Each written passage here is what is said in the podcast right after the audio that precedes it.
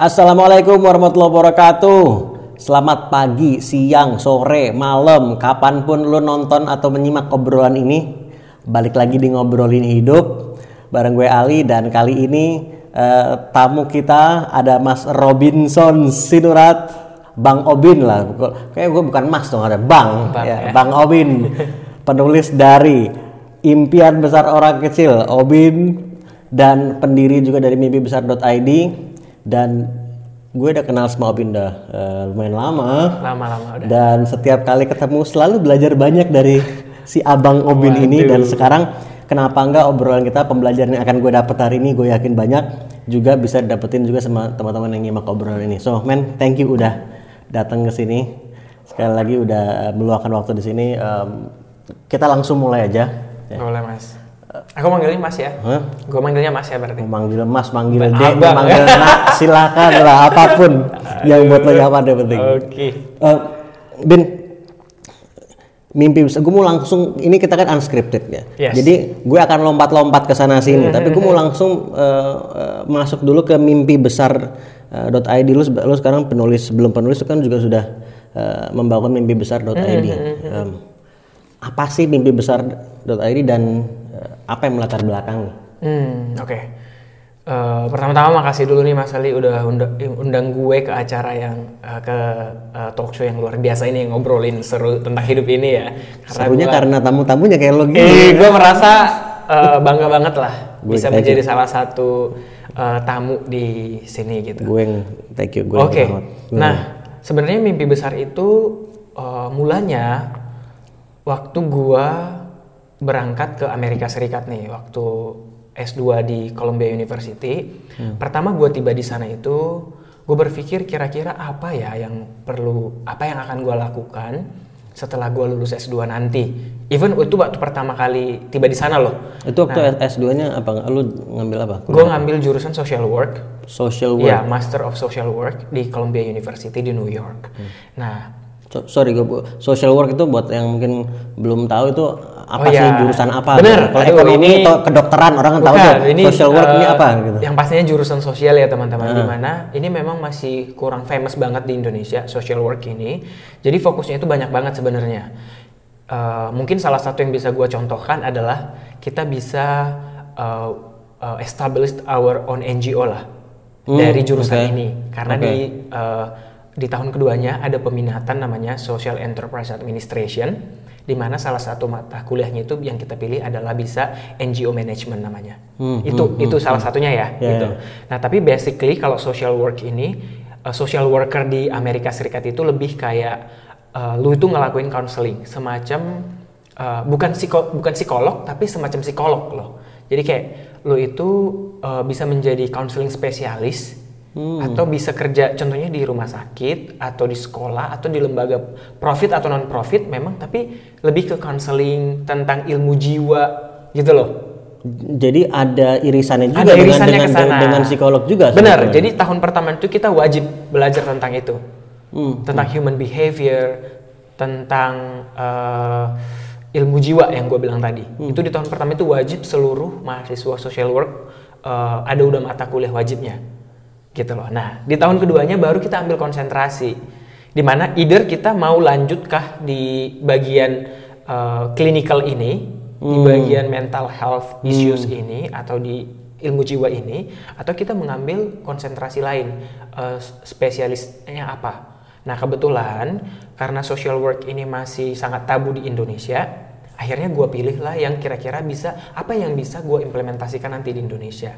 Sehingga gue ambillah konsentrasi di bidang social enterprise administration, di mana gue di sini belajar tentang HR, tentang program evaluation, tentang NGO management, tentang staff development, Jadi kayak organizational and Yes. managerial juga gitu ya. eh, macro level Hmm, gitu hmm, loh. hmm, hmm. Nah itu yang gua gua lihat silabusnya dan menurut gua oh ini keren banget karena gua pengen banget eh, punya NGO one day gitu loh. Jadi ketika gua di tahun kedua itu baru nih gua kepikiran oh NGO management gua ambil kelas itu dan pada waktu itu kita punya final project. Kira-kira lu mau ngelakuin apa setelah lu lulus dari Columbia University? Itu Hmm. project yang kita harus present di kelas. Ah. Nah waktu itu gue berpikir keras, apa nih yang mau gue lakuin setelah ini? gitu. Nah, singkat cerita diskusi dengan uh, tim gua kemarin tuh berdua yang satunya ini dari, Kanada hmm. dan gue dari Indonesia ya. Gue ceritain ke dia tentang hidup gue juga, tentang gue ada di posisi sekarang ini karena gue punya mimpi besar. Gue dulu ada di Columbia University itu karena gue punya mimpi yang besar. Nah, oh ini keren banget kalau misalnya gue ceritakan ini, gue jadikan ini sebagai wadah untuk anak-anak di Indonesia supaya berani untuk bermimpi besar. Apa mimpi besar lo? Nah, mimpi itu? besar gue pada waktu itu, yang pertama kan gue pengen pokoknya harus S2 di luar negeri, di kampus yang bagus untuk bisa menaikkan derajat keluarga orang tua gue. Hmm. Gitu loh. Itu dulu mimpi gue.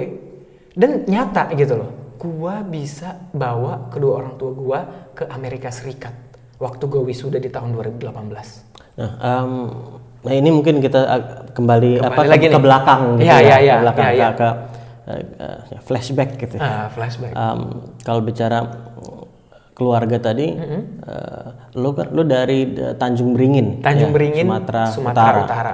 Um, dan uh, gue nggak pernah ke sana gitu.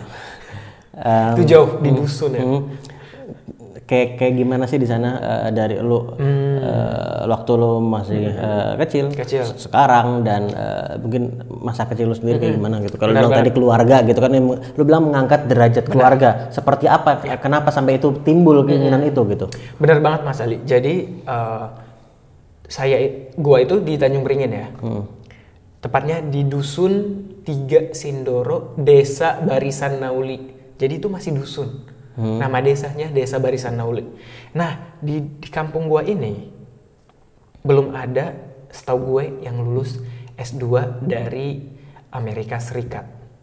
Atau nggak usah dari Amerika Serikat hmm. deh, dari Inggris atau dari luar negeri deh. Hmm. Belum ada.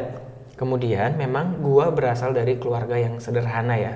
Kedua orang tua gue itu hanya petani biasa hmm. yang kadang upahan di ladang orang gitu kadang kita memang punya ladang yang ya nggak nggak luas jadi nanam sayur nanam cabe gitu uh, orang tua gua saudara eh, kakak adik gua anak kelima dari tujuh bersaudara hmm. Jadi di, bahkan di keluarga gue ini dari tujuh bersaudara ini belum ada yang S2 satu orang pun. Hmm. Bahkan mungkin nggak usah S2 deh, nggak semua lulus S1. Hmm. Gitu. Nah dari sinilah gue punya mimpi. Mengingat pesan dari kedua orang tua gua yang selalu mengatakan, kamu harus sekolah ya nak, walaupun uang kita tidak ada. Karena melalui pendidikanlah memang kita bisa menunjukkan ke orang lain bahwa kita ini juga uh, apa namanya bisa pokoknya bisa meningkatkan derajat keluarga hmm. orang tua gitu loh. Itu pesan yang dari orang tua gue dulu. Pokoknya lu harus sekolah walaupun lu nggak punya duit gitu. Hmm. Nah di satu di situlah gue bermimpi gila. Gue memang harus sekolah. Gue harus sekolah, sekolah dan sekolah. Bagaimana caranya? Ya pastinya untuk sekolah di luar negeri itu kan nggak murah. Hmm. Dan I'm sure kalau orang tua gue itu nggak sanggup membiayai itu karena orang tua gue hanya petani biasa. Dan bahkan dulu waktu S1 nih ah, flashback lagi dong ya. Hmm. S1 aja gue cuma makan sekali sehari nih Mas Ali untuk Lo bisa S1 di di Universitas Sriwijaya jurusan fisika. Unsri jurusan fisika. Fisika. Mm-hmm. Okay. S2 gua Columbia mm-hmm. Social Work. Mm-hmm. Can you imagine? Dari dari fisika yang IPA se IPA IPA banget gitu kan. terus terus sosial, sosial banget. Sosial sosial banget. Sosial banget kan social work. Yeah, yeah. Gua harus terjun ke lapangan, ketemu klien mm. gitu loh. Direct service. Mm. Sedangkan di eksak itu gue eksak banget, rumus semua kan, gitu loh. Oke, okay, um, panjang nih jadi ceritanya nih. Um, gue masih mau kembali ke belakang tadi dulu okay. kan. Uh, jadi lu artinya gini, kayak lu kan tadi lima, eh, tujuh bersaudara, tujuh bersaudara. anak lima. Nah, hmm. artinya kakak-kakak lu juga sekolah. Mm -hmm. um, ada yang ada yang lulus satu, ada yang enggak, gitu kan. Um, tapi lu sendiri emang uh, lu sendiri enjoy sekolah kan banyak juga anak, hmm. aduh sekolah, hmm. gitu kan banyak tuh yang seperti itu gitu ya. Ah, termasuk gue juga gitu. Dulu itu gue begitu gitu. Um, tapi apa yang membuat lo sampai uh, merasa ini uh, har harus? Apakah tadi karena apa yang orang tua sampaikan atau ada something else? Dan kenapa harus S2 oke okay, pendidikan hmm. gitu uh, apakah lu waktu itu ngeliatin oke ada berapa banyak S2 di, di, di desa gua apakah nggak bayangan gua nggak gitu juga Nah. Iya, atau iya, lu nggak, nggak, nggak tahu nggak. dah. Sa- kenapa sampai kok itu yang penting banget gitu kayak lu buat lu Hmm, gitu. Oke oke. Ini eh, kembali lagi ke kita harus flashback lagi nih ya. Hmm, hmm. Jadi jujur aja, fisika itu is not my thing sebenarnya. Jadi sebenarnya gua itu jurusan fisika itu bukanlah jurusan yang gua mau sebenarnya. Hmm. Nah, jadi gini, kita gua nggak apa-apa ya cerita sedikit lagi. Ini- Jadi this is your platform. This- artinya tempat untuk stage ya. ya this is your stage. Jadi dulu itu waktu SMA orang tua gue bilang kalau gue nggak masuk negeri gue nggak kuliah. Nah jadi to be honest artinya ya, karena biaya atau apa maksudnya? Karena biaya karena memang orang tua gue udah kesulitan finansial dan segala macam. Jadi dulu cita-cita gue to be honest frankly speaking gue dulu pengen banget jadi dokter gigi jauh banget memang sebenarnya ke fisika. Tapi gue nggak lulus dokter gigi. Terus gue inget again gue inget pesan orang tua gue kalau gue nggak masuk negeri gue nggak kuliah. Jadi gue harus punya strategi dong. Hmm. Gue nggak mau memaksakan diri gue. Oke gue harus dokter gigi.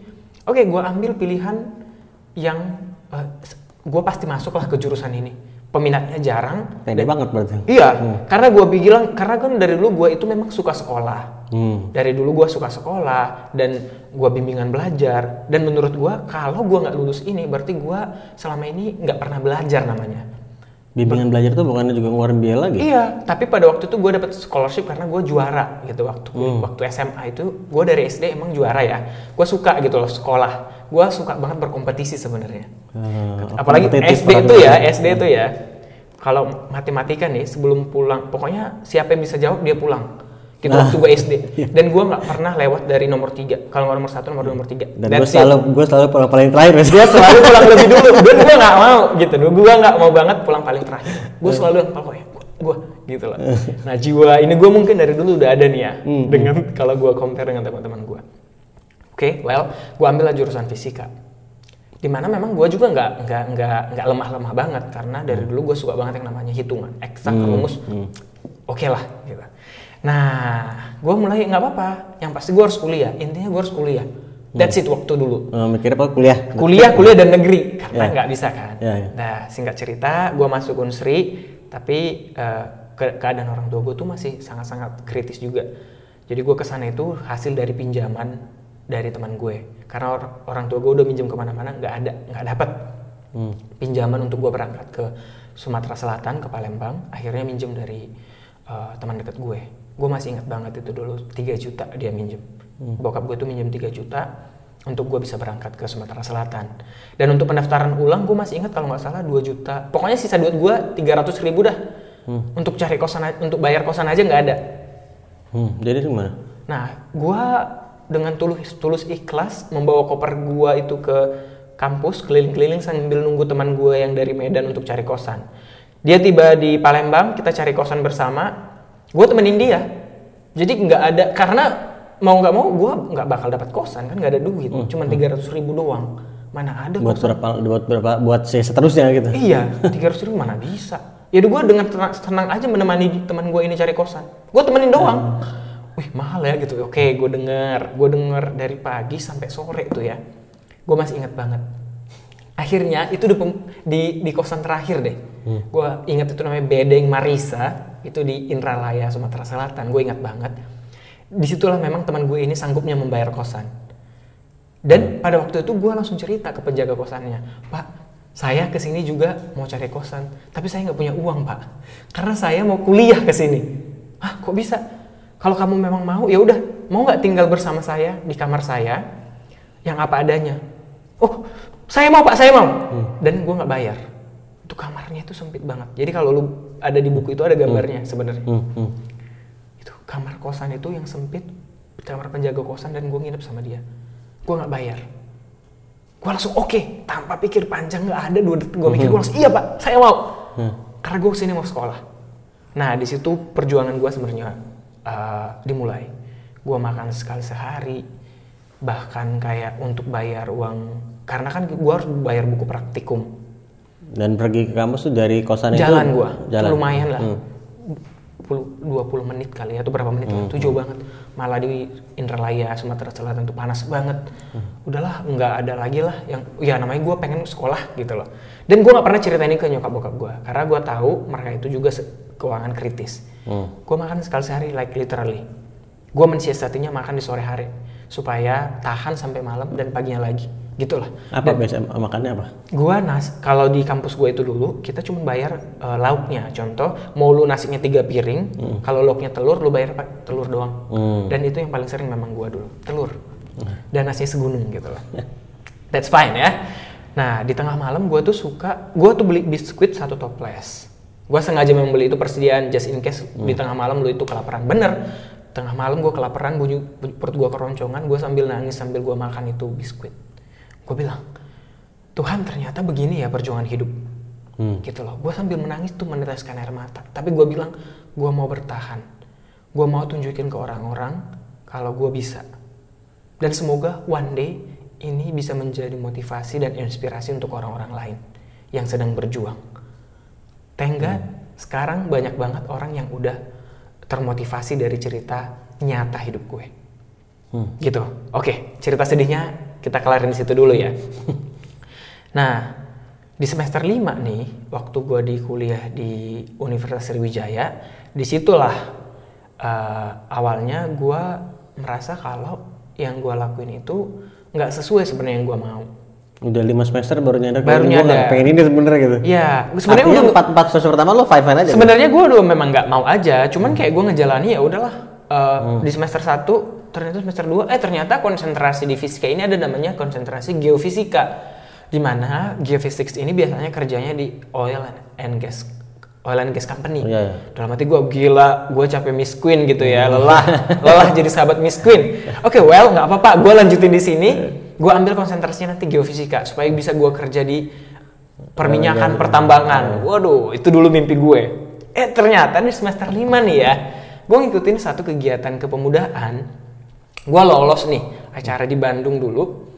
Dari seluruh Indonesia pokoknya yang terpilih hanya 100 wah kaget juga gue kepilih nih gitu ya. Gue berangkat ke sana. Di situ terbukalah oh ternyata yang gue suka itu adalah seperti ini. Bukanlah eksak bukanlah perminyakan Hmm. Nah di situ awal ceritanya. Jadi mulai itu gue aktif di kegiatan sosial, sosial, sosial, sosial dan sosial lah. Gitu. Hingga akhirnya gue lulus dari S1 Unsri, gue langsung kerja di salah satu non profit di Jakarta. Mulai dari situlah, itulah yang membawa gue hingga hijrah ke social work di S2 Jadi jadi lu setelah lulus pun lu sudah eh, kerjanya pun di non profit di non ya. profit. Jadi kalau pertanyaan lo tadi yang eh, kenapa sih sebenarnya gue harus S2? Itu salah satunya. Gue pengen karena gue selama kerja di non profit itu kan orang bilang eh lu lu kan S1-nya fisika. Apa yang lo tahu tentang sosial? Even gue udah berpengalaman contoh di lapangan, udahlah ya dari semester 5 gue udah di lapangan nih ikut volunteering eh, kegiatan-kegiatan volunteer, gue buat social project dan kegiatan-kegiatan kepemudaan semenjak semester 5 itu. Tapi kan tahu orang-orang masih kayak ngejudge gue itu nggak bisa. Gue tuh tetap fisika, walaupun gue banyak di field eh, di sosialnya gitu. Akhirnya gue pikir gue harus S2 dan harus di bidang sosial. Gue pengen ngebuktiin kalau apa yang gue lakuin selama ini, gue bisa pelajari yang formalnya. Gitu. Jadi kayak contohnya, kebayang gak sih lu, lu gue itu udah di prakteknya ini udah banyak, tapi ilmu formalnya belum dapat. Eh, Nah, itu yang membuat gue salah satu yang membuat gue, well, gue harus ambil S2 di sosial supaya gue kombinasikan nih antara pengalaman praktikal gue di lapangan dengan uh, formal educationnya Ya, supaya lebih, akademisnya itu ya ya. jadi stronger kan, Iya, iya. gitu loh. Dan di satu sisi gue bangga, kenapa? Masalah hitung-hitungan, masalah eksak, gue bisa. S1 gue fisika. Sosial, praktek dan eh, il- formal education gue udah ada. Jadi gue bisa nih kedua-duanya. hmm. Gitu kan? Jadi kayak gue ada kebanggaan. Buktinya waktu gue S2 di semester pertama itu kita belajar statistik. Jadi di di kampus gue itu ya, kalau gue baca silabusnya, ketika kita nggak lulus statistik itu langsung di DO. Ya, statistika itu kan salah satu pelajaran yang hitung-hitungan kan. Dan gue seneng banget karena menurut gue S1 gue fisika. Well, gue aman lah di situ. Gue nggak ada ketakutan sedikit pun nggak untuk tidak lulus di statistik ini. Sedangkan teman-teman yang lain mungkin masih agak, waduh, apalagi yang dari sosial, terus lanjut ke sosial lagi yang jarang belajar statistik, pasti agak-agak worry ya. Tapi kalau gue waktu itu nggak, I'm fine, gitu loh. Jadi gue bener-bener bangga, gue uh, seneng dengan Nah. apa yang gue miliki sekarang ini. Iya, iya. Ilmu eksak oke, sosial oke, gitu loh. Eh, ini menarik nih. Em, lu waktu tadi lu bilang semester kelima baru eh, gue sebenarnya nggak kepengen di sini, terutama karena abis ikut kegiatan di Bandung itu kan. Nah, artinya sebelum jadi yang membuat lu nggak kepengen di situ bukan karena nggak suka sama fisiknya, tapi karena lu menemukan sesuatu yang lu lebih sukai, begitu kah? True, true. Gue menemukan sesuatu yang benar-benar yang gue suka, gitu loh. Gue kayak ketika gue ngelakuin kerjaan itu, gue senang, gitu loh. Jadi gue se- se- se- sekilas itu melupakan cuan yang ada di perusahaan minyak yang gue bayangin itu loh, gitu. Kayak gue mikir, ah masa jadi kayak gue tuh waktu itu dilema gitu loh. Kenapa gue senang banget? Ini sosial ini kan nggak punya duit. Tapi kayak gue senang banget kepuasan batin gue itu puas banget.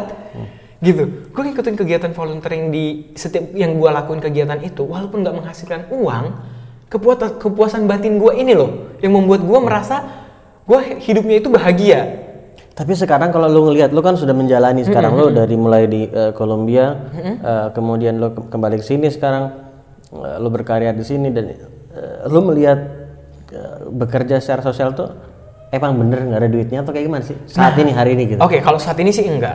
Saat ini kerja apa pun yang namanya full time job itu pasti dapat uang ya, pasti dapat uang. Eh, tapi memang nggak sebanyak yang kalau kita kerja di profit company contohnya, gitu loh.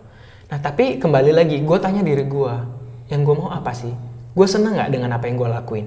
Walaupun cuannya nggak sebanyak teman gue, cuannya yang banyak banget. Contoh nih ya, ini salah satu contoh nih, Mas Ali. Waktu gue di New York kan, setelah lulus 2018 kan gue punya kesempatan kerja setahun di sana, OPT. Hmm.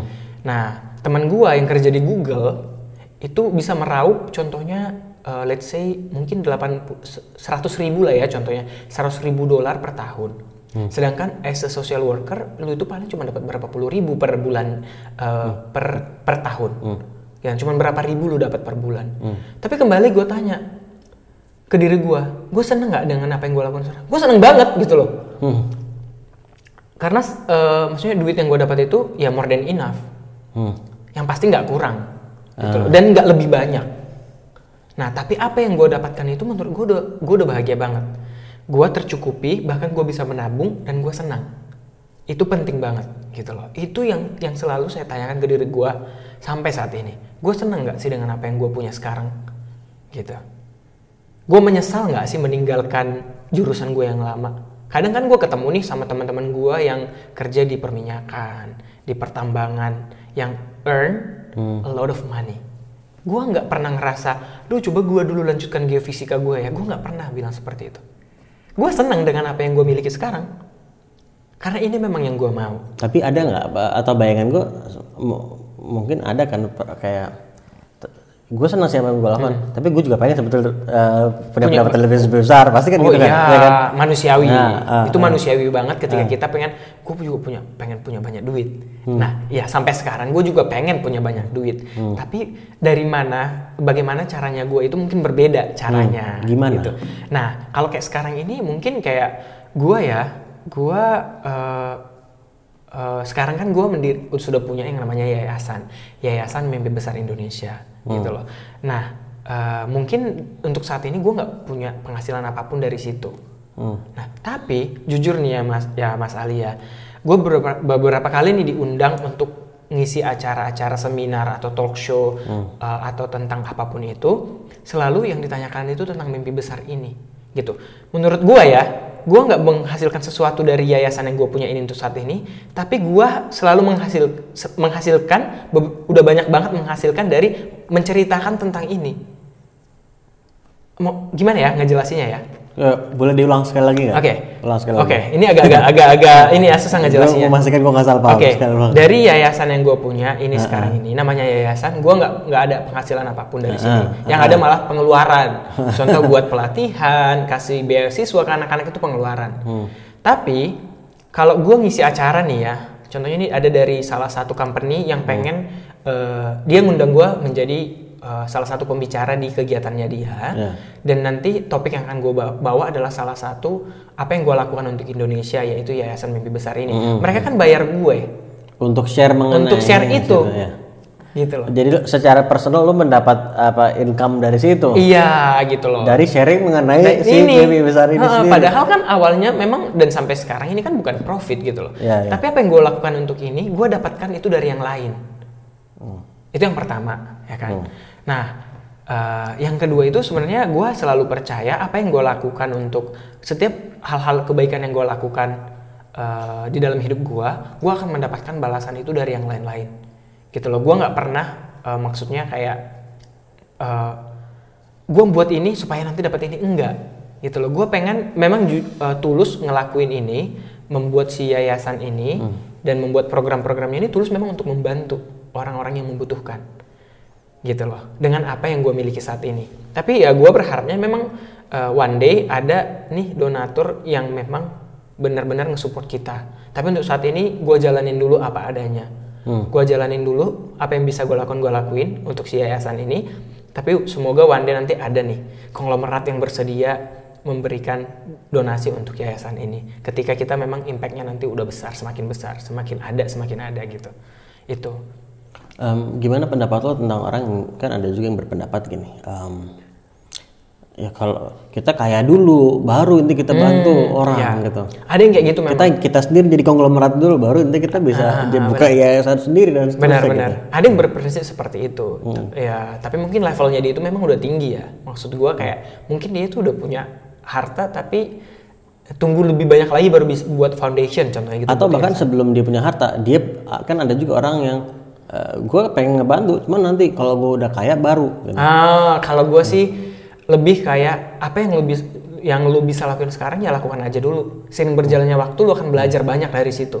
Ya kayak gue ini, ya gue kan nggak pernah yang gue harta gue juga untuk diri gue aja menurut gue gue masih kurang. Yang namanya manusia itu selalu kurang ya, maksudnya nggak pernah puas. Jadi kayak menurut gue ya lakuin aja dulu apa yang bisa lu lakuin. Dan mimpi gue kan sebenarnya mimpi besar ini udah ada dari 2018 seperti yang gue jelasin tadi ke ke Mas Ali. Tapi masih eh, kecil-kecilan. Pada waktu itu programnya semua programnya itu memang dari eh, kan gue udah kerja tuh waktu di New York yang gue bilang setahun.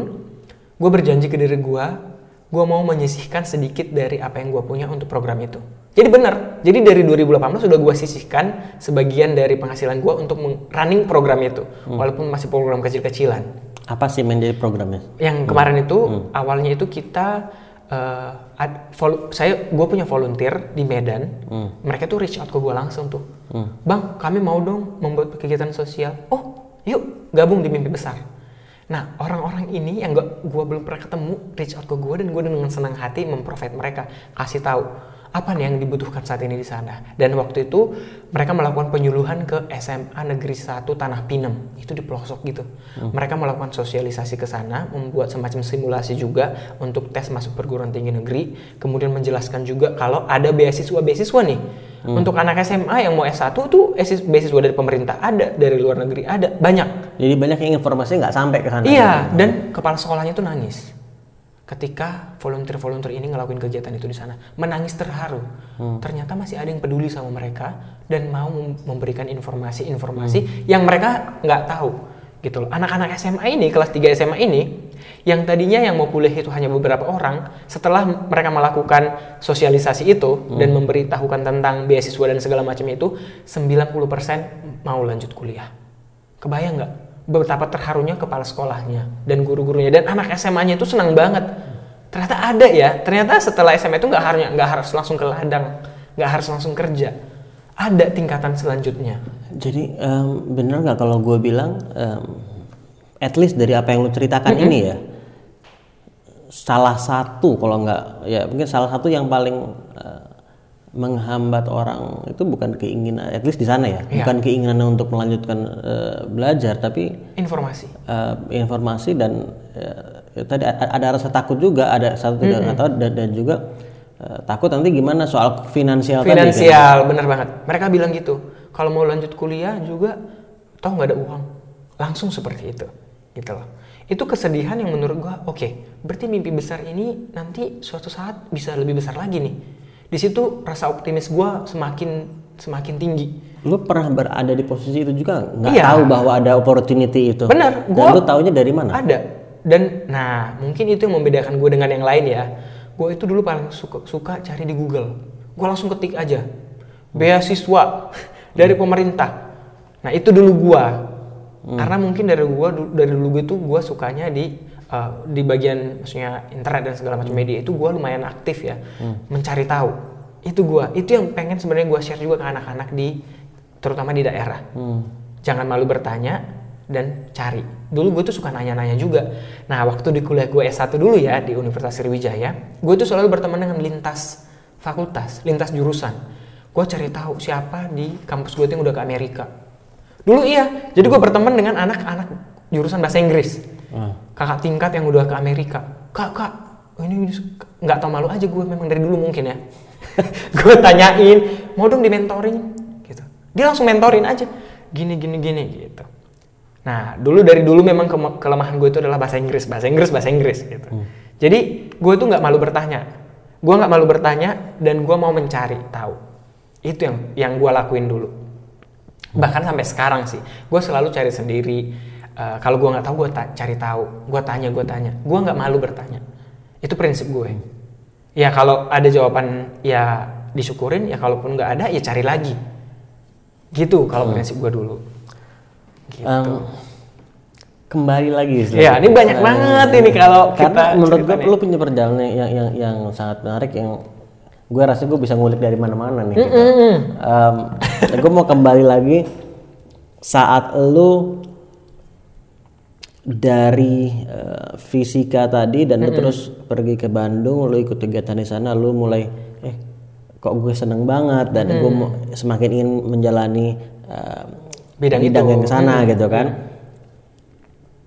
Ada rasa takut juga nggak tapi untuk meninggalkan itu? Karena tadi kan mungkin dari sisi finansial kan em, mungkin masih ketidakpastiannya lebih tinggi Jauh. dan juga tadi melihat lo punya keinginan untuk tadi keluarga juga secara finansial juga cukup sulit Pengen dibantu. Nah, ya kan? gitu. Hmm. Nah itu lo ada ada rasa takut nggak ya untuk untuk takut atau ragu untuk berpindah itu? Awalnya, ya itu yang gue bilang, gue semacam eh, tanya ke diri gue, ini yang, yang gue mau nggak sih? Jadi, jadi gue tanya ke diri gue dulu, gue tanya ke diri gue, terus gue doakan, gitu masalah. Jadi Lo doakan gue doakan, gue berdoa kepada yang maha kuasa. Sebenarnya yang yang gue mau ini udah benar apa enggak? Atau mungkin gue minta petunjuk gitu loh. Hmm. Gue lanjutin yang fisika ini atau gue pindah. Nah, gitu sering berjalannya waktu, gue selalu bawa dalam doa nih, mas. Gue minta petunjuk yang maha kuasa. Ya karena in the end kita adalah manusia ya. Kita yang berencana Tuhan yang menentukan. Gue percaya itu. Nah, sering berjalannya waktu, ternyata gue memang semakin menyenangi apa yang gue lakukan di luar fisika ini. Gitu. Kan dari situ kelihatan nih. Nggak langsung dijawab secara langsung, lu bener nih. Nggak Ah. gitu. Tapi melalui apa yang gue lakukan setiap saatnya itu yang membuat gue fisika ini seba, gue jadikan sebagai tanggung jawab gue ke orang tua gue harus gue harus selesaiin. Tapi di satu sisi gue punya kesenangan lain kegiatan-kegiatan sosial yang gue lakuin ini yang memenuhi ke- eh, kebahagiaan gue. Jadi gue nggak meninggalkan tanggung jawab gue di fisika, Hmm. gue tetap menjalankan dan gue bahkan eh, bertekad untuk lulus tepat waktu dan nanti langsung kerja di, di bidang sosial. Gitu. Nah ini pelajaran ya menurut gue untuk karena banyak banget waktu gue di kampus dulu mereka nggak suka dengan jurusan itu, mereka dua hanya dua eh, kemungkinannya lulusnya itu lama banget kalau di kampus gue dulu tujuh tahun Hmm. either dia lulusnya pas-pasan tujuh tahun paling lama itu atau DDO Hmm. That's it nah gue pengen membuat suatu hal yang baru gitu loh gue pengen berbeda gue nggak suka dengan jurusan ini gue mau lulus tepat waktu Tapi lu bukan nggak suka kan lu bilang. Lu ada ada hal lain yang lebih lu sukai. Iya. Ya kan? maksud gua eh, apa gimana ngomonginnya ya Eh, sesuatu yang bukan lagi menjadi eh, hal prioritas, tadi. lu Ah. lu bisa kelarin itu tepat waktu itu yang gua gua pengen tunjukin ke orang dulu dan dulu itu gue banyak banget dapat stereotip dari gosipan dari orang-orang luar nih. Mereka bilang gini ah si Obin itu mana mungkin bisa lulus tepat waktu? Paling juga tujuh tahun kalau nggak DO dia nggak pernah di kampus kerjanya di luar terus. Ikut organisasi luar ikut konferensi luar negeri itu aja kerjaannya. Itulah gosip yang gue dengar dulu. Bahkan dari tahu ya gue nggak paham kenapa orang-orang gue kan Batak nih ya eh, paling mudah banget dapat orang-orang Batak ini dapat informasi gue nggak tahu dari mana pokoknya gue udah dapat aja lah. Kayak katanya lu itu nggak pernah kuliah ya? Gitu mereka bilang gitu ke gue eh kuliah kok absen kan ada? Gitu. Loh nah cuman kayak gue memang nggak kayak dulu lagi semester semester semester kan oh kuliah di kampus diliatin orang nggak segala macam di kantin main nyanyi nyanyi di mana gitu ya. Tapi kan setelah itu gue nggak gue bener-bener produktif banget. Gue di kampus itu bener-bener mengerjakan gue tugas gue sebagai mahasiswa. Gue tugas gue kelar gue datang gue ujian terus gue juga ikut organisasi kampus yang yang gue pegang gue urusin itu. Jadi gue memang di kampus itu ya ketika gue memang ada urusan di kampus sisanya gue di luar. Ikut kegiatan ini buat kegiatan ini ikut konferensi ini. Jadi gue gue bener-bener produktif banget di masa-masa semester 5 sampai gue semester 8 hingga pada akhirnya gue ingat banget tuh ya gue sidang sarjana orang kan nggak tahu nih kalau gue udah kelar nih gue keluar tuh dari ruangan sidang gue mau minta tanda tangan kalau nggak salah ke gedung dekanat gue. Gue harus nyebrang tuh ya. Eh, kampus gue tuh lumayan luas jadi harus nyebrang jalan nyebrang doang nih dari jurusan gue ke dekanat. Gue cuma nyebrang doang tuh ya. Lima menit kemudian gue dapat teks dapat sms dari eh, orang-orang. Eh bin lo udah sidang ya? Loh kok lo tahu ini banyak banget nih udah terinformasi kalau lo itu udah mau kelar aja bingung gue. Gue belum ngasih tau siapa siapa pun. Even orang tua gue di kampung belum gue kasih tahu. Padahal gue cuma lewat doang itu tersebar langsung gitu loh. Nah di situ gue ngerasa oh berarti gue ngasih influence gue ngasih sesuatu yang hal yang baik nih untuk orang-orang supaya orang-orang itu jangan underestimate orang yang orang lain. Kan ya biasanya gitu ya orang yang aktif di luar ah paling lama. Gue patahkan itu gitu loh dan orang udah tahu kalau gue udah nggak fokus lagi di fisika. Hmm. gue patahkan. Gue mau lulus tepat waktu gitu loh. Gue dan dan thank God seminggu setelah itu gue langsung kerja di Jakarta. Dan itu di NGO di non profit di Jakarta. Yang menurut gue come on mulut-mulut yang nyinyir-nyinyir itu lu lihat aja apa yang gue lakuin gitu. Jadi bu- bukan gue balas dendam ya. Ya. kan beda nih ceritanya. Tapi gue pengen buktiin ke orang-orang guys jangan pernah merasa kecil jangan pernah merasa rendah ketika kita melakukan hal yang benar dan jangan ter- jadikanlah cibiran-cibiran yang negatif atau cibiran-cibiran orang lain itu menjadi motivasi buat lo untuk meningkatin skills untuk buktikan untuk menjadikan lo menjadi lebih baik gitu Gimana caranya men? Kalau kan dari orang ke orang mungkin ada cara yang berbeda untuk membuat itu menjadi motivasi. Ada orang yang juga tuh malah tambah down, Down, gitu. ya. Kalau lu gimana? Kalau gua lakukan? yang kayak gue bilang tadi kan gue udah mendengarkan itu tuh. Dan itu gua dengarnya itu juga kan kita nggak bisa pastiin itu dari siapa. Karena kan banyak banget nih yang "Ah, apa sih orang-orang? Nah tapi gua gua fokus. Gua fokuskan diri gua dengan apa yang udah gua rencanakan. Kan gua udah bilang gua mau lulus tepat waktu dan gua mau ikut organisasi ini ikut kegiatan ini ikut ini gua fokus ke situ. Nanti biarlah orang lain yang akan menilai setelah itu tercapai. Jadi gue nggak jadikan itu maksudnya sebagai gue, ih kok jahat banget. Gue nggak mau spend my time untuk memikirkan hal-hal negatif itu. Malah gue semakin fokus untuk membuktikan kalau apa yang gue lakukan itu, kalau gue udah punya rencana. Karena toh yang tahu tentang diri gue itu ya diri gue, bukan orang lain. Orang lain membicarakan tentang gue, tapi yang tahu tentang diri gue, yang tahu tentang apa yang gue mau adalah gue, gue- diri gue sendiri. Jadi Lumayan berat nih ya eh, pembahasannya ya. Gue gue, mulai melihat em, sepertinya ya, eh, correct me if I'm wrong, gue melihat salah satu be- benang merah di sini adalah lu nya sendiri clear dengan apa yang lu mau lakukan juga. Ya bener, kita harus clear dulu nih apa yang yang yang kita mau. Kayak gue dulu itu memang gue mau lulus tepat waktu. dan gue pengen achieve beberapa sebelum gue wisuda. Contohnya nih, gue menjadi mahasiswa berprestasi di fakultas gue. Yang dari dulu gue nggak tahu apa sih mahasiswa berprestasi itu. Itu gue udah telat. Apaan sih? Gua, gua apa? Nah, IP. IPK kah atau Nah, enggak? jadi Atau mahasiswa, bukan? ya, jadi mahasiswa, mahasiswa berprestasi ini karena karena di Indonesia itu kan lumayan hits ya, menjadi mapres mahasiswa berprestasi itu hits.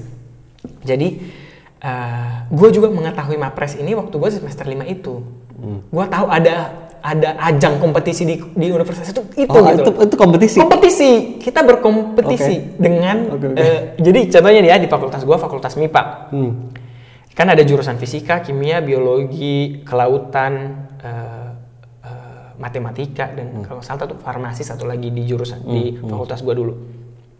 Nah, gua harus berjuang mengalahkan semua. Pertama itu dari jurusan dulu. Kita berjuang di jurusan dulu untuk menjadi the best. Apa nih? IP?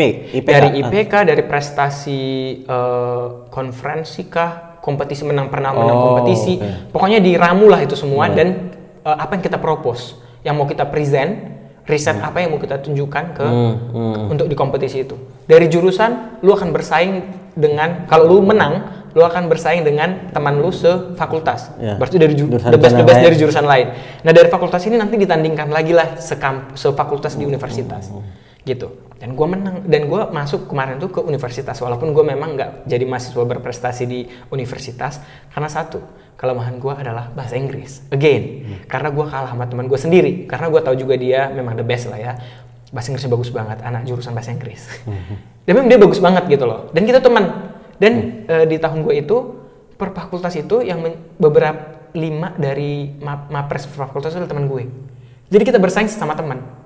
Dan gue udah tahu support system itu termasuk support system ya. Ya, ya. Jadi kita itu kaget aja, hah fakultas dia ini fakultasnya kita kita lagi. Dan kita udah tahu pasti lu juara satu juara dua juara tiga. Jadi udah tahu. Mhm. karena kita udah tahu kemampuan kita. Kita tinggal berjuang aja sebenarnya di final itu di tingkat universitas.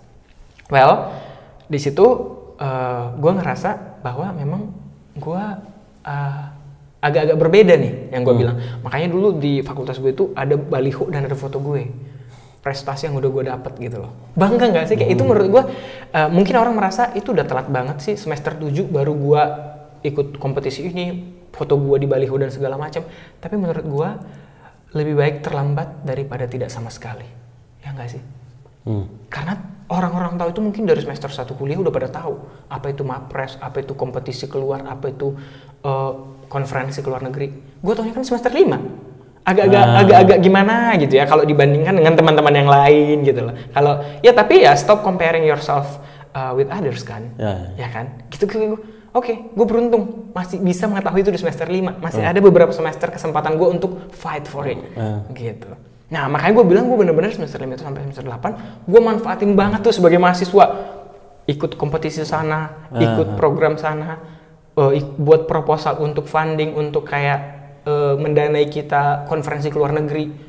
Aduh, di situ tuh gue super super aktif buat kegiatan kepemudaan nasional dan internasional event. Itu gue jadi panitianya. Kebayang gak sih kayak seorang Robinson Sinurat yang dulu dari anak dusun bisa mengorganize acara internasional. Di mana bahasa Inggris gue masih kal ah terbata-bata nggak jelas. Gue nggak peduli. Karena bahasa Inggris itu bukan bahasa yang bukan bahasa ibu gue, bahkan bahasa ibu gue bahasa Batak. Bahasa Indonesia aja dulu gue susah, boro-boro bahasa Inggris. Serius? Gue pertama pindah ke Medan nggak bisa gue bahasa Indonesia. Serius, gue nggak bisa bahasa Indonesia. Gue bahasa Batak, bahasa ibu gue kan. Gue ke Medan bahasa Indonesia gue harus belajar. Terus bahasa Inggris lagi ah boro-boro gitu. Tapi gue I don't care lah. Jadi kayak gue bener-bener ngomong aja ngemeng nggak. Ya yang pasti ngomong lah.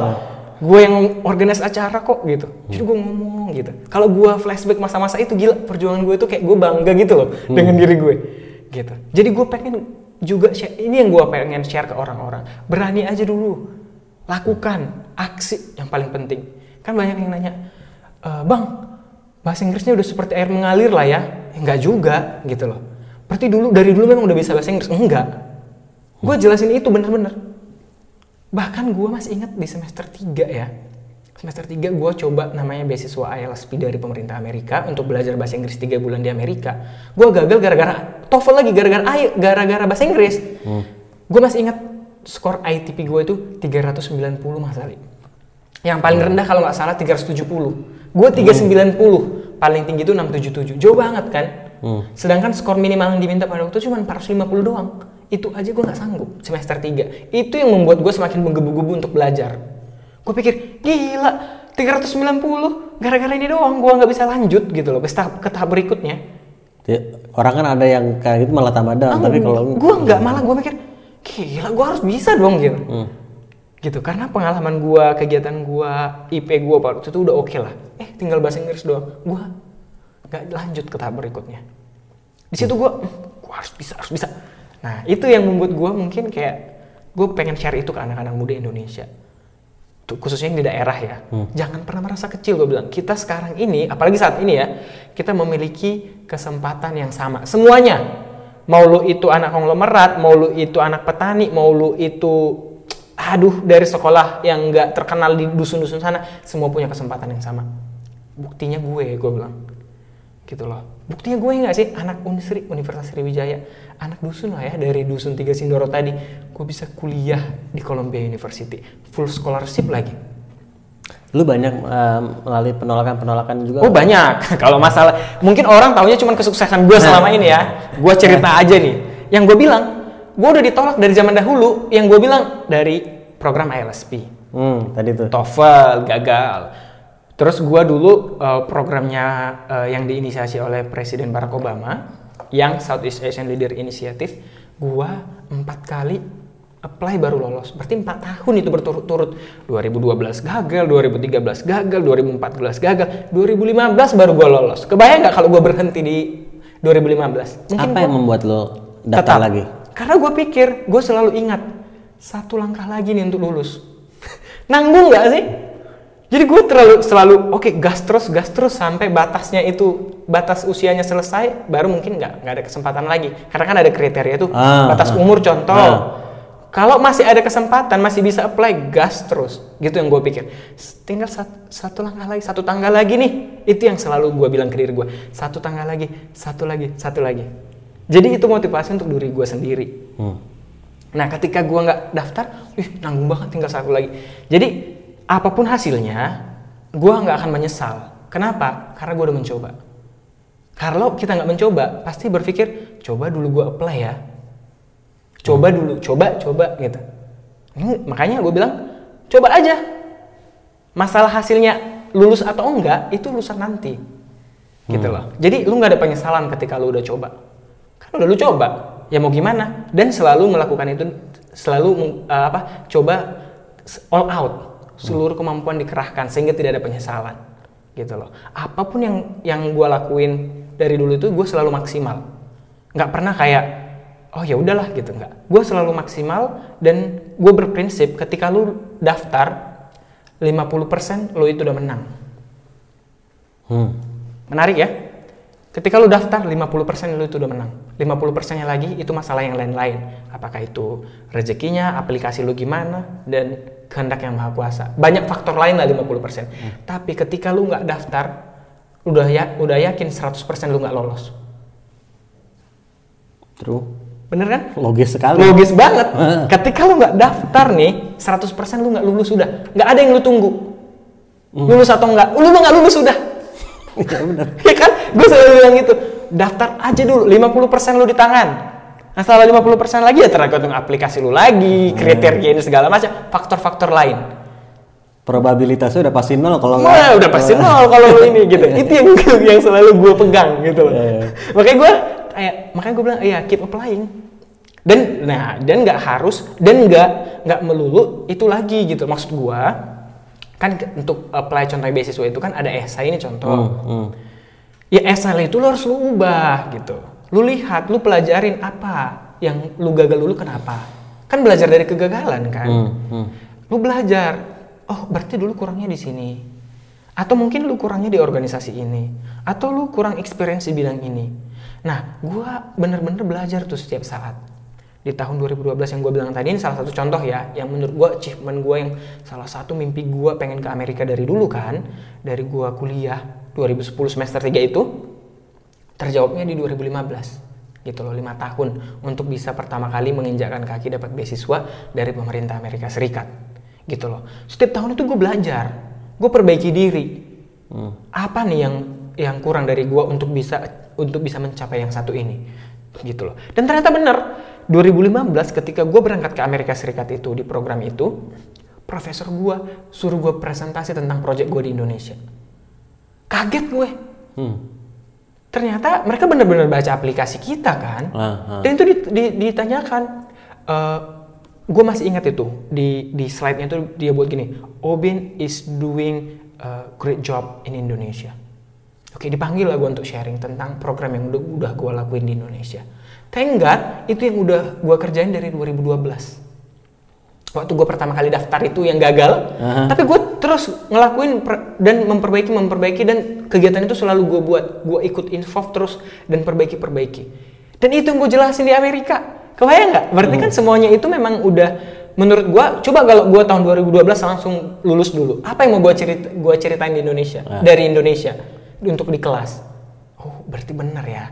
Berarti memang gue percaya juga gue ditempah nih, ditempah untuk bisa menjadi orang yang lebih baik setiap tahunnya gitu loh. Yang umpama kan seperti ya kalau ada yang bilang ya hidup itu seperti uh, ini gelas terus airnya ini nih. Hmm. Ada orang yang uh, mungkin udah segini airnya. Jadi dia perjuangannya untuk mencapainya itu tinggal ya setengah lagi. Hmm. Ya kan? Mungkin gue masih di sini. Jadi harus berjuang dulu lebih keras, lebih banyak untuk bisa mencapai ini. Kan gitu kan? Ah. Jalan orang kan beda-beda. Ya nggak sih? Ya gue percaya itu. Oh berarti kan ada nih oh, orang semester 1 aja eh, nggak usah deh orang yang anak SMA aja udah berangkat nih pertukaran ke Amerika Serikat program eh, belajar di sana setahun. Sedangkan gue nggak tahu ada program itu gitu loh. hmm. Ya kembali lagi gue tahu semester 5 nih mulai. Ya. Nah oh berarti gue dulu masih di sini banget. Orang udah di sini. Jadi mereka tinggal pus langsung dapat. Eh Ya. gue waduh berjuang dulu nih mampus mampus mampus baru sampai. Nah Tapi gitu. tetap akan bisa sampai juga. Iya gitu. Kembali lagi ke Ya.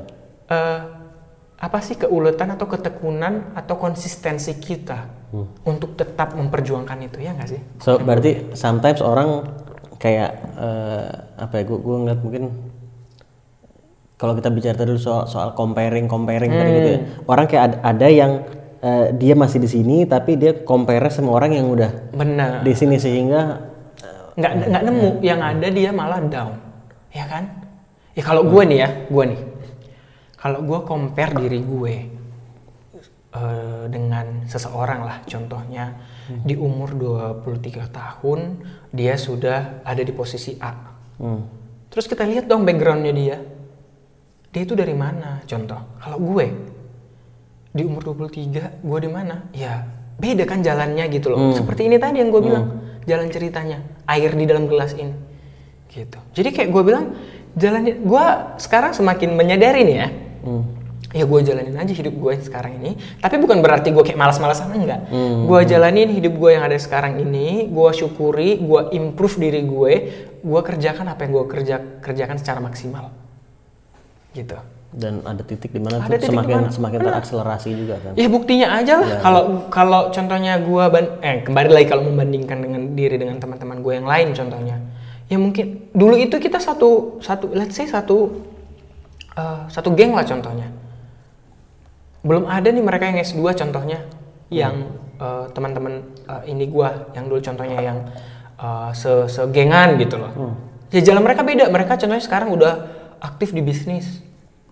Nah, gue masih, gue udah S2. Eh kan beda nih jalan cerita, Iya, iya, ha. jalan cerita orang dan uh, mimpi orang beda-beda, gitu loh. Em, lu eh,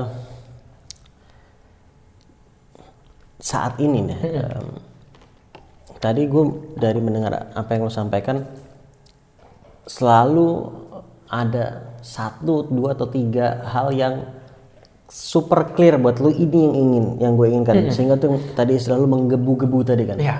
sehingga tuh membuat lu fokus gitu. Lulus udah. Eh, S2 udah. Eh, ke depannya apa ini?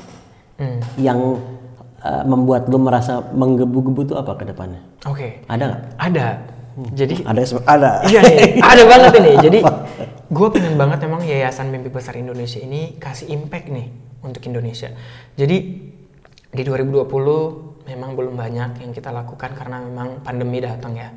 Kita syuting 2021. Ya. Januari. bener, bener, bener ya. Bener, ini salah satunya gitu loh. Jadi 2020 itu benar-benar kayak gua, oh nggak apa-apa lah, jalanin dulu. Eh, setidaknya sudah resmi nih menjadi yayasan. Jadi 2020 itu memang target gua adalah melegalkan si yayasan mimpi besar ini menjadi yayasan. Di 2020. Hmm, karena kan 2002, 2018, 19 kan masih baru, tim juga masih baru dan segala macam. Jadi gue memang udah punya mimpi banget dulu itu 2020 ini jadi yayasan yang legal Hmm. tercapai. Nah di 2021 ini gue pengen langsung impactnya nih. Kira-kira gue pengen banget memang banyak banget anak-anak muda yang terbantu di Indonesia untuk meraih mimpi besarnya melalui program kita. Ini khususnya soal sekolah ya atau enggak Pendidikan. hanya? Nggak ya, hanya atau pe- pendidikan eh, formal. Informal juga karena kan kita pelati- pelatihan soft skills kan ada nih. Hmm, Nah, salah satu nih ya di tahun 2020 lalu kita bahkan belum melakukan training in person ke dia, udah ada satu nih yang lulus ke program beasiswa ke Hungaria. Jadi sekarang dia sudah di Hungaria. Padahal kita belum in person nih, masih kayak kita lakukan online gitu loh. Nah, di 2021 ini kita gue tuh pengen banget ini lebih banyak banget lagi nih kegiatan untuk mengencourage anak-anak muda untuk berani bermimpi dan mereka itu menceritakan eh, keberhasilan mereka itu ke orang dan akan semakin banyak yang termotivasi lagi. Gue greget banget gitu loh. Dan gue pengen banget ngelis gitu loh. Contohnya anak ini. Jadi salah satu contoh sukses yang menurut gue ya. Jadi satu yang kita bantu dulu di 2018 mendapatkan beasiswa untuk dia hampir gagal. Dia hampir gagal nih. Wi- sidang dan wisuda sarjana karena nggak punya uang untuk bayar uang kuliah. Nah itu yang kita bantu dulu di 2018 dan sekarang setelah itu dia langsung menjadi salah satu guru di salah satu uh, sekolah bonafit di Medan. Dan dia ceritakan itu ke siswanya. Dan dia juga membantu lima anak lain untuk bisa masuk perguruan tinggi negeri dari keluarga yang kurang mampu pastinya. Cuma-cuma dia mentorin itu anak-anak. Dia bilang dia cerita ke gue. Duh, gue nggak pernah nggak pernah ngasih tahu lu itu harus jadi ini. Enggak. Dia cerita ke gue gue eh, dulu dibantu sama bang Obin dan gue ingin membantu orang lain. Gue merinding.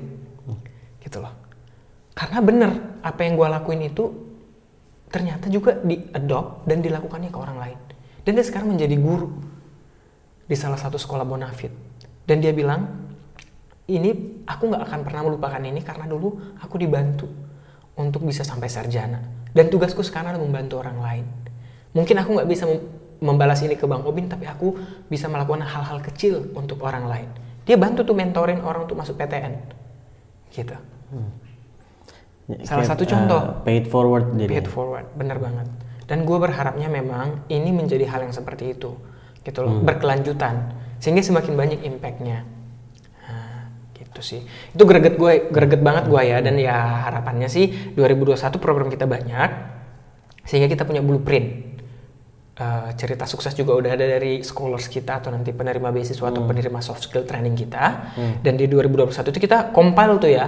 Jadi semoga di 2022 nanti ada nih yang udah mau mendonasikan atau konglomerat yang bersedia nge-support untuk program itu program-program kita ke depannya gitu sih menurut gua. Jadi ini nanti akan jadi besar dan semakin banyak juga anak-anak muda yang terpanggil untuk berkontribusi pastinya kan. Contohnya nih gue mau dong ini bantu-bantu jadi tim desain di yayasan atau gue mau dong intern dan segala macam. Jadi yayasan ini benar-benar jalan. Nggak hanya untuk membantu eh, men- eh, membantu orang lain tapi juga eh, membantu nggak hanya memberikan pelatihan ke orang lain tapi juga memberikan kesempatan untuk anak-anak lain untuk mengimplementasikan ilmunya Hmm. Contoh nih ya, kan ada nih mahasiswa-mahasiswa yang mau pengen magang atau pengen cari pengalaman dong untuk mem- meningkatkan kemampuannya untuk ngedesain, Aha. ya kan? Kita bisa masuk ke timnya, tim desainnya kita contohnya. Harapan gue gitu, semakin banyak orang-orang yang terpanggil untuk berkontribusi untuk masyarakat. Kan banyak nih kadang nggak tahu, aduh gue pengen banget sih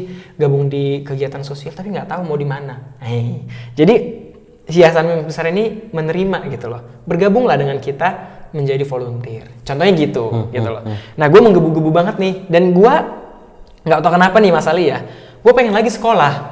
Hmm. Gitu loh. Ini gue ceritain di sini ya.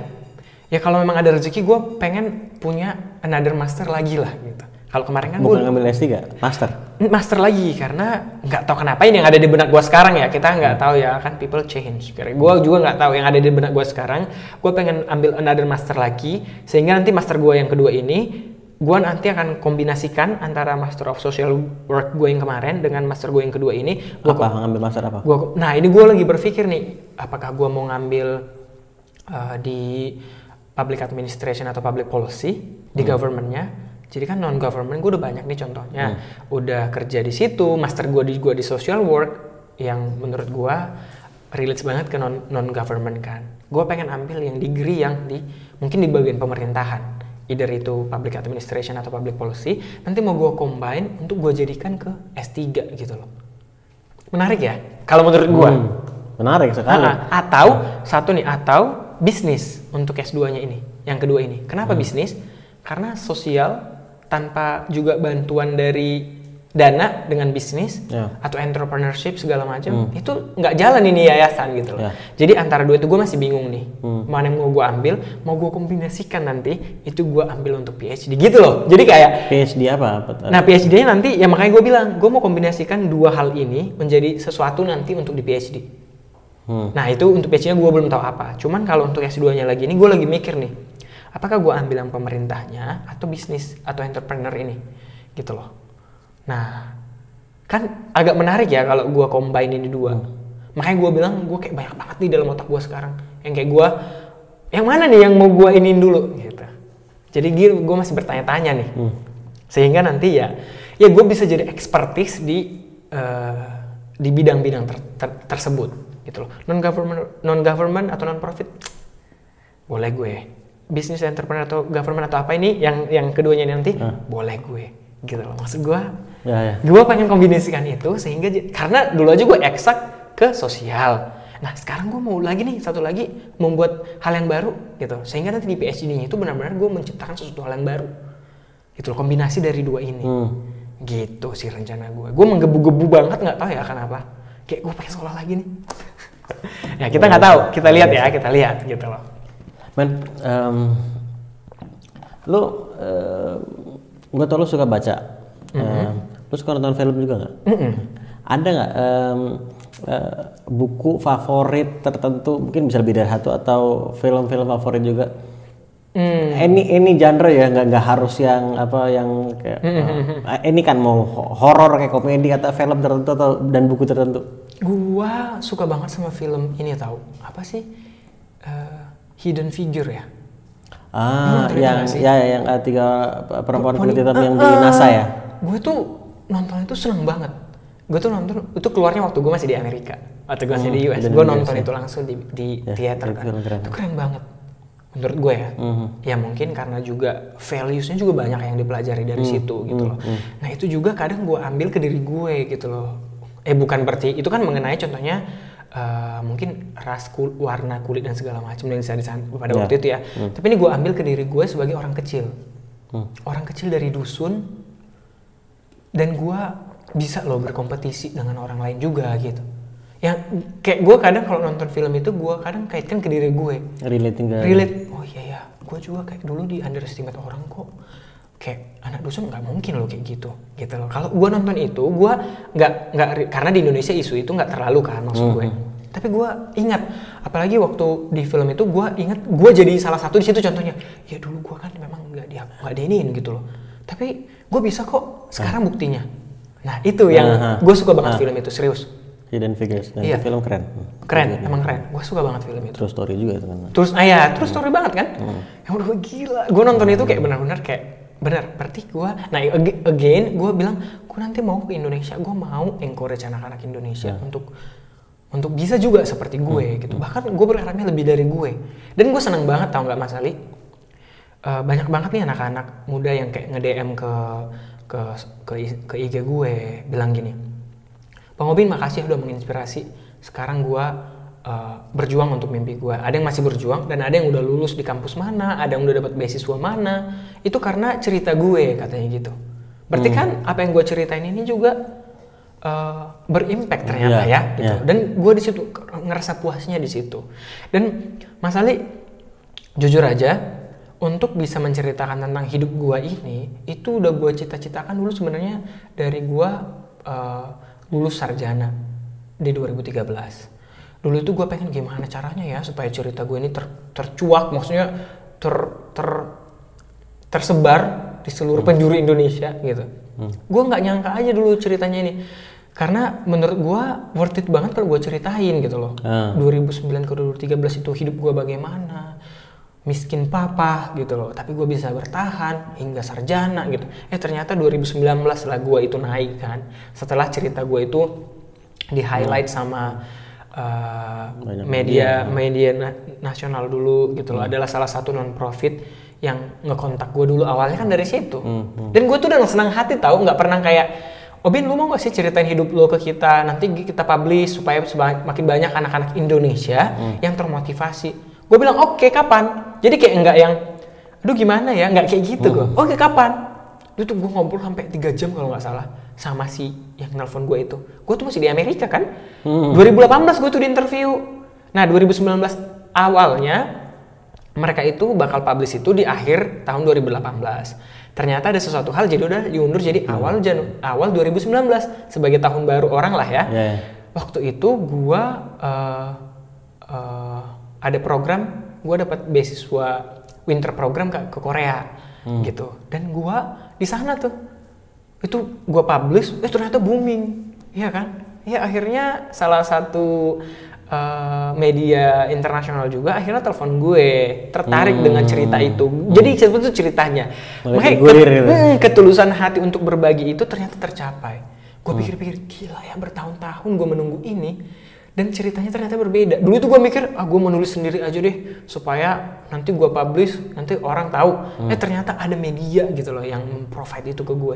Gue gila, gue ter, ter, ter apa namanya ya sore hari tuh gila ya memang rencana yang maha kuasa itu beda hmm. sama rencana manusia gitu ya kan? Hmm. Akhirnya ya sampai sekarang gitu dan dan kenapa juga gue terinspirasi untuk nulis buku gue ini, hmm. itu karena memang banyak banget yang bilang nulis buku dong karena kalau di cerita itu kan nggak semuanya katanya uh, gitu. uh. wah akhirnya gue bilang oke okay, gue akan tulis deh buku. Dan 2020 gue harus selesaikan buku itu. Dan ternyata benar Desember 2020 kan tuh udah selesai kan udah PO kan tuh bukunya. Gak dapet duluan nah, makanya. Nah itu loh mas maksud gue hal-hal yang kayak eh, yang gue mimpikan fokus tadi gitu hmm. clear. Kita mau apa dulu? Sehingga kita benar-benar uh, terstruktur nih kan untuk hmm. ke sananya hmm. gitu. Mas Ali sebenarnya uh, udah lebih tahu sih sebenarnya, tapi ini kan cerita hmm. hidup gue ya. Ya, ya, ya. Jadi gue nih yang yang kayak uh, menentukan gitu. Karena ketika ketemu 2015 dulu kan hmm. gue juga yang masih belum ah gue mau ke mana nih gitu hmm. kan pertemuan itu kan yang kayak dari awalnya bener ya kayak gue harus memang fokus nih ya, ya. gitu harus tanya diri gue nih gitu hmm. nah di situ tuh penting sekali kita harus mempelajari dan mengetahui diri kita sendiri dulu gitu sehingga hmm. jelas kita hmm. mau apa kalau kita nggak kenal diri kita bagaimana kita mau tahu kita ke depannya mau jadi apa apa hmm. rencana kita hmm. gitu. that's why that's important kan to know ourselves gitu itu sih banyak lah itu ceritanya buku hmm. minum dulu minum dulu santai okay. santai ini ini dua dua dua dua terakhir gue ada dua pertanyaan ini tadi ini sama satu pertanyaan lagi cuman buku dulu ya ah. buku ada nggak buku-buku tertentu yang menjadi buku favorit? Oke, okay. gue baru-baru ini, gue baru ini baru aja kelar baca buku yang judulnya Great. Uh, Great Angela Duckworth. Ya, iya deh, ya. Uh. Ya, benar. Uh, Yang uh, bestseller juga kan. Uh. Gue baru kelar. Jadi sebenarnya gue uh, udah udah punya buku itu dari um, Februari hmm. gitu ya. Gue dapet hadiah. Gue sebenarnya udah ngeliat buku itu tapi gue belum beli gitu loh pada waktu nah. itu eh ternyata gue dapet hadiah buku itu. Hmm. dari uh, seorang Pak Biku lah namanya. Dia kasih itu ke gue Februari 2020 ya kan? Gue baca baru sedikit. Eh ternyata full banget nih ini gue. Schedule gue dan segala macam ya nggak alasan sih sebenarnya ya. Hmm. Tapi gue bilang 2020 gue harus habisin buku ini. Dan ternyata waktu gue tugas keluar kota September sampai uh, Desember pertengahan kemarin gue tuh udah bawa buku tuh keluar kota. Udah gue bawa itu ya. Bahkan nanti pokoknya di sana gue di setengah-setengah waktu di pantai gue mau baca buku deh. Ternyata gue sentuh aja enggak. Serius gue baca satu lembar aja enggak itu buku. Karena gue kayak full banget kerjanya gitu. Kayak gue gila gila gila gila. Gue ada target nih yang belum gue kelarin gitu. Hmm. akhirnya setelah gue kelar kerjaan dari luar kota gue kan ada waktu break tuh. Gue liburan kemarin sebelum uh, tahun baru sebelum 1 Januari gue bawa lah buku ini. Gue bilang gue harus baca buku ini sampai kelar. Akhirnya gue kelarin. Jadi tepat di tanggal berapa ya? Pokoknya sebelum sebelum 30 November deh kalau nggak salah gue kelarin tuh buku. Menurut gue itu bagus. Ada beberapa yang lain sih tapi itu yang baru gue kelarin. Dan menurut gue teman-teman hmm. yang kayak ketika lu itu memang pengen belajar uh, pengen mendalami nih tentang uh, cerita-cerita bagaimana supaya kita lebih tabah lebih kuat hmm. baca buku grit itu bagus hmm.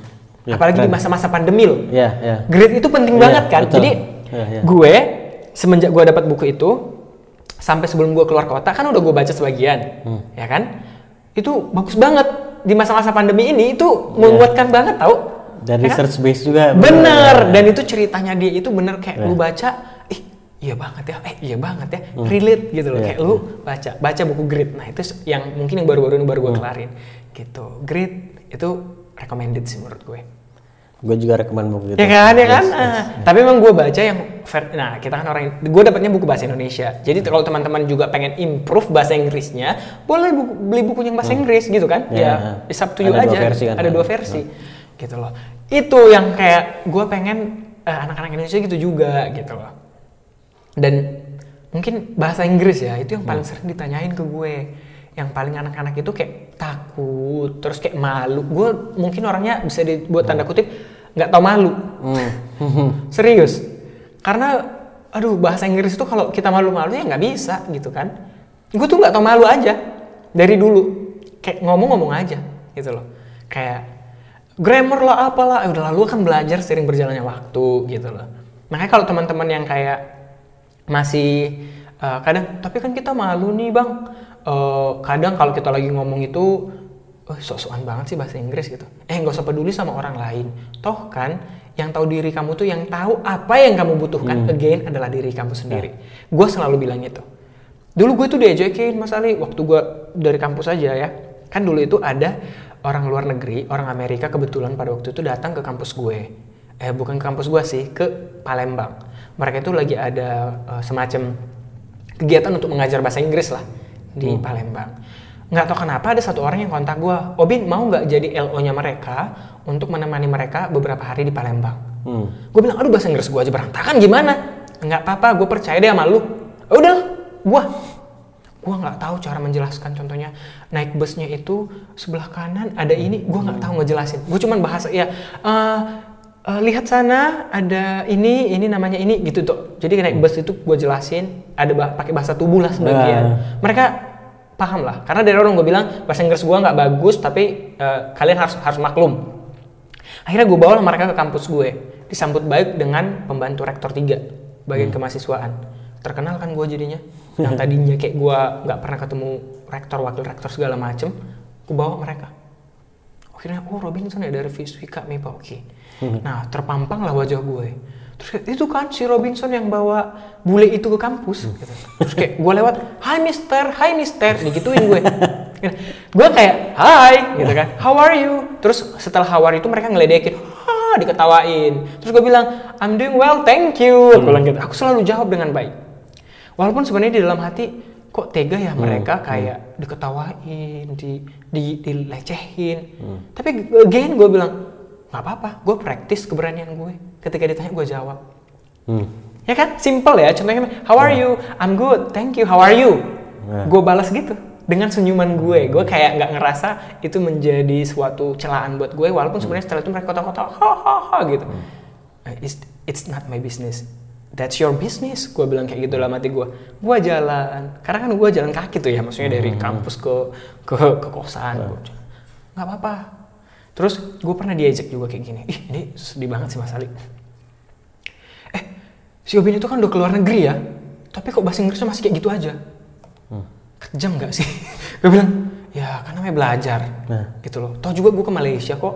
Bukan ke Amerika waktu itu kan. Ke Malaysia. Hmm. Maksud gue masih bahasa uh, Melayu. Hmm, hmm. Terus ya ya maksud gue juga gue bisa survive lah terus di conference bukan hidup di situ kan hmm, hmm. conference hmm. cuma tiga lima hari hmm. yang kita bahas di conference itu juga kan kayak topiknya gue udah mulai paham yeah, yeah. paling tentang ini yang simple simple tapi kalau deep conversation mungkin gue agak kelabakan gitu kan hmm. gue diomongin kayak gitu terus yang lucunya lagi nih mas Ali dulu satu uh, teman gue dulu itu kita punya uh, kita mau daftar les bahasa Inggris nih ya uh, kan ada tingkatannya nih ya primary apa primary ya? Baru elementary Hmm. baru intermediate gitu kan? Hmm, hmm. teman-teman gue semua intermediate. Gue elementary dong. Ih percuma ya udah udah keluar negeri tapi masih elementary. Temennya anak SMA gitu. Gue bilang gini eh ya juga ya. Gue awalnya ya juga kok gue elementary mereka intermediate ya? Berarti memang gue masih berarti gue sadar. Oh berarti memang berarti memang gue perlu belajar. Makanya gue di elementary di placement testnya itu gue elementary.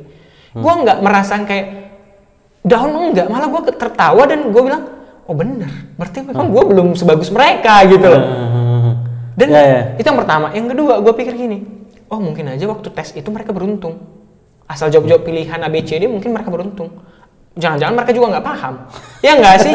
kayak untuk memotivasi diri gue gitu loh. Iya, supaya iya. gue nggak kayak terle, ter- terlalu down dengan Iya. dengan omongan itu. Gue motivasi diri gue, ah mungkin mereka beruntung aja. Iya, ya nggak sih? Kayak, Iya, iya, iya. oh intinya adalah gue harus berjuang lebih keras supaya gue bisa selevel dengan mereka di intermediate nanti. Gitu loh. Wah gue semangat. Nah itu yang gue pengen eh, kasih tau kok teman-teman gitu. Ya semangat aja terus. Ada sisi-sisi lain tapi cari hal-hal positif yang bisa mengencourage diri lu. Tapi bukan berarti lu itu selalu positif enggak. Maksud gue boleh kita eh, ambil masukan itu anggap jadi masukan. Kan bener kan berarti? Oh berarti dalam artian berarti gua memang harus belajar lebih banyak supaya bisa masuk ke kelas yang yang intermediate kan. Ya udah gua motivasi diri gua benar berarti gua harus belajar lagi. Ah untuk mem- memotivasi diri gua gua ambil oh berarti mungkin mereka beruntung. Ah gitu aja gitu loh. Hal-hal yang Ya, yang ya. tahu Yang bisa diri- membuat kita- diri sendiri. Ah ah, gitu. Itu apalagi ya pengalaman nah baru eh ceritanya lagi nih ya satu geng gua dulu yang gue bilang mapres teman gue di Palembang itu mereka itu teman dekat gue banget lah memang sampai sekarang juga masih. Dan eh, mereka ini kita pernah belajar yuk kita belajar TOEFL yuk. Eh, dari alumni Amerika gitu ayo setiap tes itu gue yang paling paling bobrok. Jadi di antara 10 soal mereka paling salahnya tiga eh gue benernya tiga. Kalau nggak bener tiga bener empat gitu loh. Gue selalu bilang kalau orang Palembang bilang buyan lolo itu goblok gitu loh tapi ya sesama teman Ah, ya biasa lah gitu ya, ya. kayak black banget sih lu gitu kan iya ya gue selalu bilang gitu kayak nggak ngerasa ih kok sombong banget sih kalian nggak gitu kan iya ya ini dari mana sih kenapa bisa nah jadi kayak gue itu jadi nanya gitu loh Jadi ada curiosity gitu. Mm-mm. Kenapa gue selalu salah di sini? Kenapa? Emang ini kenapa sih? Jadi pertanyaan gue itu Ah. kayak lebih ke situ. Terus kalian tipsnya gimana? Nah ini kayak gini nih. Jadi akhirnya belajar dari situ. Akhirnya makanya waktu gue lulus ke Kolombia itu teman-teman gue tuh nangis. Nangis karena mereka bilang emang kelihatan ya walaupun Obin yang paling bobrok di tempat les kita dulu. Maksudnya belajar itu cuma berapa kali doang memang. Tapi gue selalu paling bobrok gitu loh. Tapi semangat lu itu ketika lu nanya, ketika lu nanyain kapan les lagi, ketika lu ini segala macam kita lihat dari situ perjuangan lu tuh yang beda dari kita. Teman gue bilang kayak gitu ke gue. Mereka nangis telepon gue. Selamat ya katanya. Karena memang kelihatan perjuangan lu itu beda. Kita bisa, tapi mereka itu bisa, pintar. Tapi mungkin semangatnya nggak kayak gue gitu loh. Untuk kayak, gue mau sekolah. Nggak kayak gitu, nggak kayak gue banget gitu. Sedangkan gue, kemampuan gue mungkin pas-pasan. Tapi usaha gue, kemampuan gue ini kenceng gitu loh. Itu yang mereka bilang ke gue. Gue baru menyadarinya di situ juga. Oh, benar juga ya. Karena memang gue yang kayak berjuang banget. Mereka tuh cum laude S1-nya. Se seangkatan gue ya. Tapi memang kalau dulu di kampus gue lima tahun masih bisa cum laude. Gitu loh. Nah, gue nggak karena nilai gue nggak mungkin cum laude. Jadi gue harus beda dari mereka. Ya, ya. Empat tahun gue harus lulus gitu loh. Nggak mau wisuda bareng sama mereka. Gue harus duluan gitu loh. Jadi mereka empat setengah tahun cum laude gitu ya. Karena mungkin mereka ingin perbaiki ada yang diperbaiki supaya bisa cum laude. Gua nggak, gua nggak mau mereka, gua mau duan. Nah, dari situ gua udah beda, gua mau beda gitu loh. Jadi antara teman-teman gue ini gua nggak cum laude, mereka cum laude. Itu lebih dulu. nah itu gua bilang, nah itu mungkin usaha gua, perjuangan gue ini yang membuat gua berbeda gitu. Nah, gue senang gitu. Dan gue bilang teman-teman semua itu butuh proses. Dan satu lagi nih, uh, gue banyak ngomong nggak apa-apa ya masalah Nggak benar deh. Gue yang selalu gue ini ngobrol dia kita gue benar. Ya, yang gue selalu ingat pesan dari orang tua gue gue kan selalu minta doa dari mereka jadi apa pun yang gue lakuin kompetisi apa yang gue ikuti gue selalu minta doa jadi orang tua gue ini mungkin mereka nggak tahu kompetisi apa aja yang gue ikuti tapi mereka tahu berapa kali gue gagal.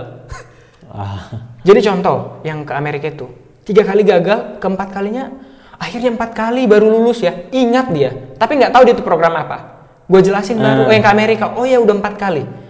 Mereka selalu doain. Dan mereka pesan yang selalu gue ingat dari mereka hingga saat ini jangan pernah sombong. Ingat dirimu gitu loh. Jangan menjadi kacang yang lupa akan kulitnya. Itu yang selalu gue ingat. Jangan pernah sombong. Apa yang kamu miliki saat ini itu hanya sementara. Itu adalah titipan yang bisa kamu gunakan untuk bisa menjadi berkat untuk orang lain. Jadi gunakan itu semaksimal mungkin untuk serve others. Contohnya gitu. Ja- jangan menjadi orang yang gila uang. Itu dari bokap gue. Dalam artian apa? Of course everyone needs money. Hmm. Ya kan? Kita juga pengen kaya pengen banyak duit nggak mau susah. Tapi jangan menjadi orang yang gila uang. Hmm. mencintai uang maksudnya. Hmm. jangan mencintai uang. Biar uang yang datang ke kita kita memang butuh uang tapi jangan menjadi orang yang cinta uang. Itu kata bokap gue. Karena once kita cinta uang apa pun akan kita lakukan untuk uang itu. Sehingga hal-hal lain yang nggak tau lah ya maksudnya berbagai macam cara lu akan lakukan untuk mendapatkan uang itu gitu Hmm. itu yang prinsip yang gue pegang Sampai menjadikan uang lebih penting dibandingkan hal-hal lain. Iya. Jadi itu pesan yang selalu gue ingat. Jangan sombong, itu yang paling penting sih sebenarnya. Tetap rendah hati aja. Karena lu, sekarang ini, lu itu dibentuk dari lu. Ingat aja lu itu dibentuk dari dari dari dari nol katanya. Jadi lu harus ingat itu. Gitu. Ajak orang lain untuk bisa seperti lu juga, bahkan lebih baik dari lu. Gitu. Itu yang selalu gue ingat. Makanya gue bilang, karena orang selalu bilang tetap rendah hati ya, jangan sombong. Gue bilang, thanks ya doanya, amin. Karena gue juga nggak mau kayak, tenang aja gue nggak bakal sombong. Ya kan, itu semacam kayak meremehkan ya. Hmm, Gue nggak mau. Doain ya, supaya gue ini menjadi Obin yang dulu dan sampai sekarang. Jadi selalu seperti itu gitu loh. Hmm. Nggak yang namanya jadi sombong, yang kayak ngerasa ngerendahin orang lain. Contoh nih ya, contoh gue dari Columbia University, ada orang yang dari kampus mana, ih nggak kayak gitu gitu loh. Hmm. Malah ini aku gue jadiin sebagai modal untuk gue untuk meng- merangkul, mengembrace orang-orang kita ini sama Hmm. Hmm. gitu loh. Kembali lagi ke diri lu, lu mau jadi apa? Mau dari mana pun, ya sama nggak sih kayak lu belajar apa di sana, apa yang lu pelajari di di mana pun ya sama. Kembali lagi ke lu, lu implementasikan nggak sih? Ya, Lu belajar nggak sih dari situ? Gitu apa ya yang lu values apa yang lu dapat dari situ? Itu sebenarnya yang paling penting kalau menurut gue. Hmm. Hmm. Ya kan, lu pelajari itu satu buku, lu nggak implementasikan zero. Mending lu kayak beberapa poin yang menurut lu penting yang lu bisa bawa implementasikan ke lingkungan lu. That's more important. Ya kan? Itu kalau gue. Makanya eh, sampai sekarang ini kayak gue juga masih haus akan pencarian itu. Jadi bukan berarti kan orang gimana nih ke lu udah sampai sesukses ini. Oh, thank you ya. Eh, mungkin eh, sudah di- bisa dikatakan sukses, terima kasih. Tapi gue merasa gue masih butuh, masih haus. Yang namanya manusia nggak pernah puas, tapi bukan berarti menjadikan itu gue sombong. Tapi gue terus belajar, belajar, belajar, belajar gitu loh. Gue pengen lagi, lebih lagi, lebih lagi, lebih lagi. Gitu. Makanya gue bilang gue mau sekolah lagi, bahkan gue mau yayasan ini nanti jadi lebih besar lagi supaya gue punya kontribusi yang lebih besar lagi. Semakin gue banyak pengalaman semakin gue banyak ilmu gue pengen berkontribusi lebih banyak lagi. Gitu loh. Dan harapan gue nih ya aduh ini banyak banget. Kenapa gue MBA tadi rencana gue juga eh, rencana nih ya atau entrepreneur segala macam supaya bisa gue koneksikan nih orang-orang yang ada di sini untuk nge-support yayasan gue juga Hmm. ataupun kalau contohnya nanti M- eh, MPA atau di di School of Government itu public policy atau apa pun kan pasti banyak juga orang-orang yang kerja di government yang bisa dananya itu bisa digunakan untuk jadi gitu loh rencana gue itu selain menambah network ya intinya gitu untuk menambah network untuk ini Hmm. jadi nggak hanya sekedar network untuk gue Ya, tapi memang gue I have something to help Iya kan benar ya ada sesuatu yang pengen gue bantu di sini yang pengen gue eh, eh, kembangkan dengan apa yang gue miliki ini. Apa be- sama aja halnya sebenarnya kenapa dulu gue pengen S2 gue pengen ingin supaya expertise gue itu benar-benar lebih lebih baik dan juga orang-orang oh paham oh benar dia masternya di situ Hmm. di- dipercaya orang untuk menghandle project yang lebih ba- lebih bagus lebih baik dan bisa memberikan impact yang ada kredibel gitu. Mm-mm. Itu yang yang yang selalu gua uh, sampaikan juga. Kalau niat kita baik pasti ada jalan. Gitu loh. Niat kita baik pasti ada jalan. Makanya gue bilang niat gue bener nih sekolah lagi untuk meng- mengoneksikan ke yayasan gue dan semoga tercapai. Amin. Gitu loh. Dan bahkan lu tahu nggak sih untuk melegalkan si yayasan gue ini kemarin di tahun 2020 itu gue zero nggak bayar apa pun itu karena koneksi koneksi yang gue nggak kenal orangnya belum pernah ketemu sama sekali sama si senior lawyer ini gue dikenalin sama temen gue yang dulu kuliah di New York dia bilang eh gue punya senior nih. Eh, dia kan lawyer. Gue punya kenalan nih. Obin mau gue kenalin nggak? Gue langsung teleponan sama dia senior ini senior lawyer ini. Dan dia langsung bawa bantu gue. Like 100% dibantu. Dan ternyata lu tau nggak sih anaknya dia itu pernah gue te- ketemu sama gue di New York. Kebayang nggak? Gue kaget banget gila. Makanya terkoneksi dengan orang-orang baik lagi kan? Iya, iya. gitu. Gue ditemukan sama itu. Ya sama halnya gue selama ini dibantu sama nggak usah sebut merek ya untuk perpustakaan dulu yang gue di ND untuk program gue eh, bahkan pengiriman buku gue sekarang. Itu karena dari program I'm I'm on my way kita kan. Loh maksud gue gitu loh. Hal-hal yang kayak sebenarnya yang kita nggak pernah pikirkan ada jalannya karena niatnya baik gitu loh. Itu yang selalu gue tanamkan di diri gue. Ya mungkin yayasan mimpi besar belum ada apa-apanya sekarang tapi niat gue memang baik ingin menjalankan itu membuat itu besar. Namanya Ya, kita lihat ke depannya. namanya. Juga mimpi besar. Mimpi gue kan? Dan ya harapannya ke depannya banyak. Gue yakin gitu loh Mas Ali. Mungkin prosesnya nggak cepat. Apa yang gue alamin sel- kan gue belajar dari apa yang gue alami gue alami selama hidup gue ini. Nggak ada yang cepat kan? Nggak ada yang instan. Oke, ini yang, ya, aduh, ini ke- keinget lagi deh dengan perjalanan instan ini. Lu tahu kan, dari dulu itu, eh, dari kecil gue itu pengen sekolah di sekolah Bonafit. Dari gue SD itu ya, gue udah minta ke orang tua gue, gue mau sekolah di sini dong pak, karena mereka fasilitasnya ada semua, orangnya ini segala macem. Tapi orang tua gue nggak punya duit. Yaudah nak di situ dulu aja. Tapi kamu harus juara. Oke, namanya anak kecil. Oke, SMP gitu lagi lu di situ dulu aja deh. Tapi harus juara ya supaya nanti SMA bisa di kampus di SMA bagus. Yang bonafit yang mahal tadi lah. Nggak lagi SMA gitu lagi. Nah di SMA itu gue pikir masih ada harapan untuk bisa masuk di kampus yang bonafit ya. Ternyata orang tua gue bilang kalau lu nggak masuk PTN nggak bisa. Wah pada waktu itu memang yang bonafit memang ada yang negeri ada yang swasta juga ya. Tapi pada waktu itu gue nggak ada pilihan lain. Ah. nggak ada pilihan lain selain ke PTN nah dan ternyata Tuhan jawab gue masuk ke Columbia University salah satu kampus yang bonafit lah ya. Kebayang nggak dari SD SMP SMA kuliah kerja baru gue dapet itu? Berapa puluh tahun gue nunggu itu? Hmm, hmm. dan gue nggak pernah gue rencanain kan?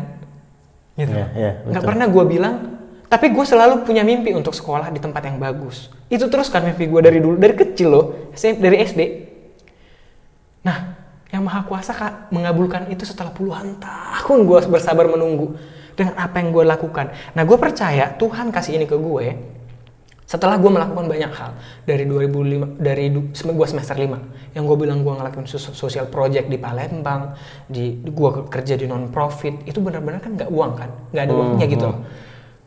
Berapa tahun itu gue bekerja untuk orang maksudnya untuk melakukan kegiatan sosial encourage uh, anak-anak buat ini buat ini buat ini dengan kadang mengeluarkan kocek sendiri dengan keterbatasan gue pada waktu itu nggak punya uang tapi tetap gue jalankan yang maha kuasa bayar berlipat kali ganda gitu loh. Lu kuliah Ya. di di kota besar di New York City.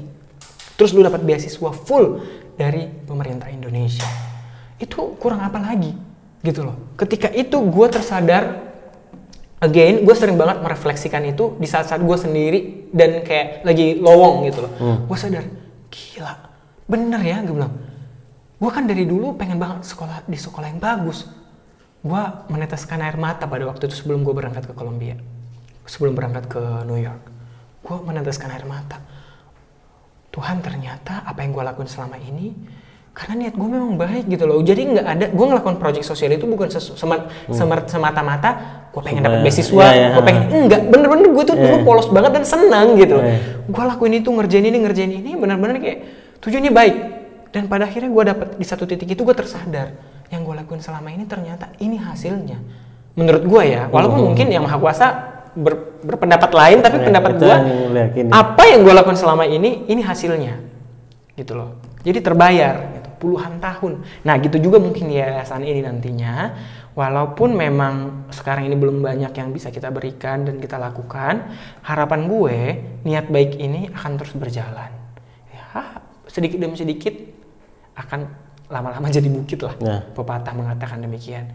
Dan harapan gua gitu loh, makanya gue bilang yayasan ini menjadi baby gue dan ya gue akan support support support dan akan gue bagi waktu dan lakuin sesuatu untuk mem- membuat ini menjadi baby yang pertama menjadi uh, lebih besar lebih besar. Dan pastinya tujuannya adalah impactnya yang paling penting. Jadi nggak hanya sekedar ada program udah. Ya. nah itu ya, kan sulit ya. Nggak mudah. Makanya gue bilang butuh proses yang lama. Nggak mudah. Gitu.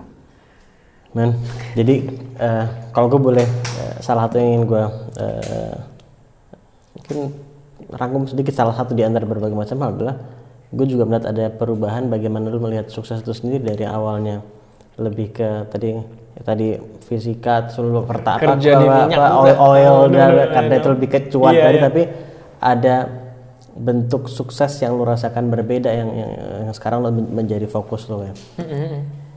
Man, thank you so much Thank for you, Mas sharing Ali. di sini.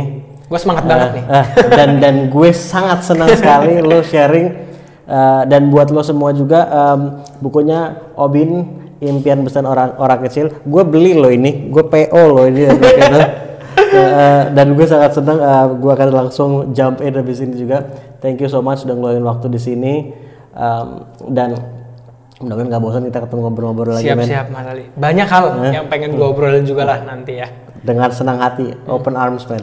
Open open heart insya Allah juga. Dan gue juga selalu bilang mudah-mudahan ini bukan cuma bermanfaat tapi dimanfaatkan. Oh, benar. gue insya Allah juga akan memanfaatkan karena gue merasa sangat banyak dapat manfaat dan buat lo juga semua yang nonton atau menyimak obrolan ini juga mudah-mudahan lo manfaatkan juga pembelajaran dari eh, apa yang di share sama Bang Obin. Dan kalau lo mau tahu juga em, di deskripsi eh, video ini kalau lo lihat di YouTube ya ada eh, sosial media dan eh, kontaknya eh, Obin ada di deskripsi video ini. Kalau lo mau beli buku, pesannya di mana, ada di mana, lo cek ke deskripsi video ini ya.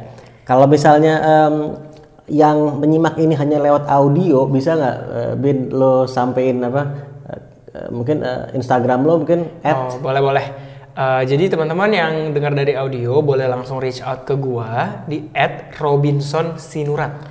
Robinson Sinurat. Namanya lo bisa lihatlah di ju- judulnya kan.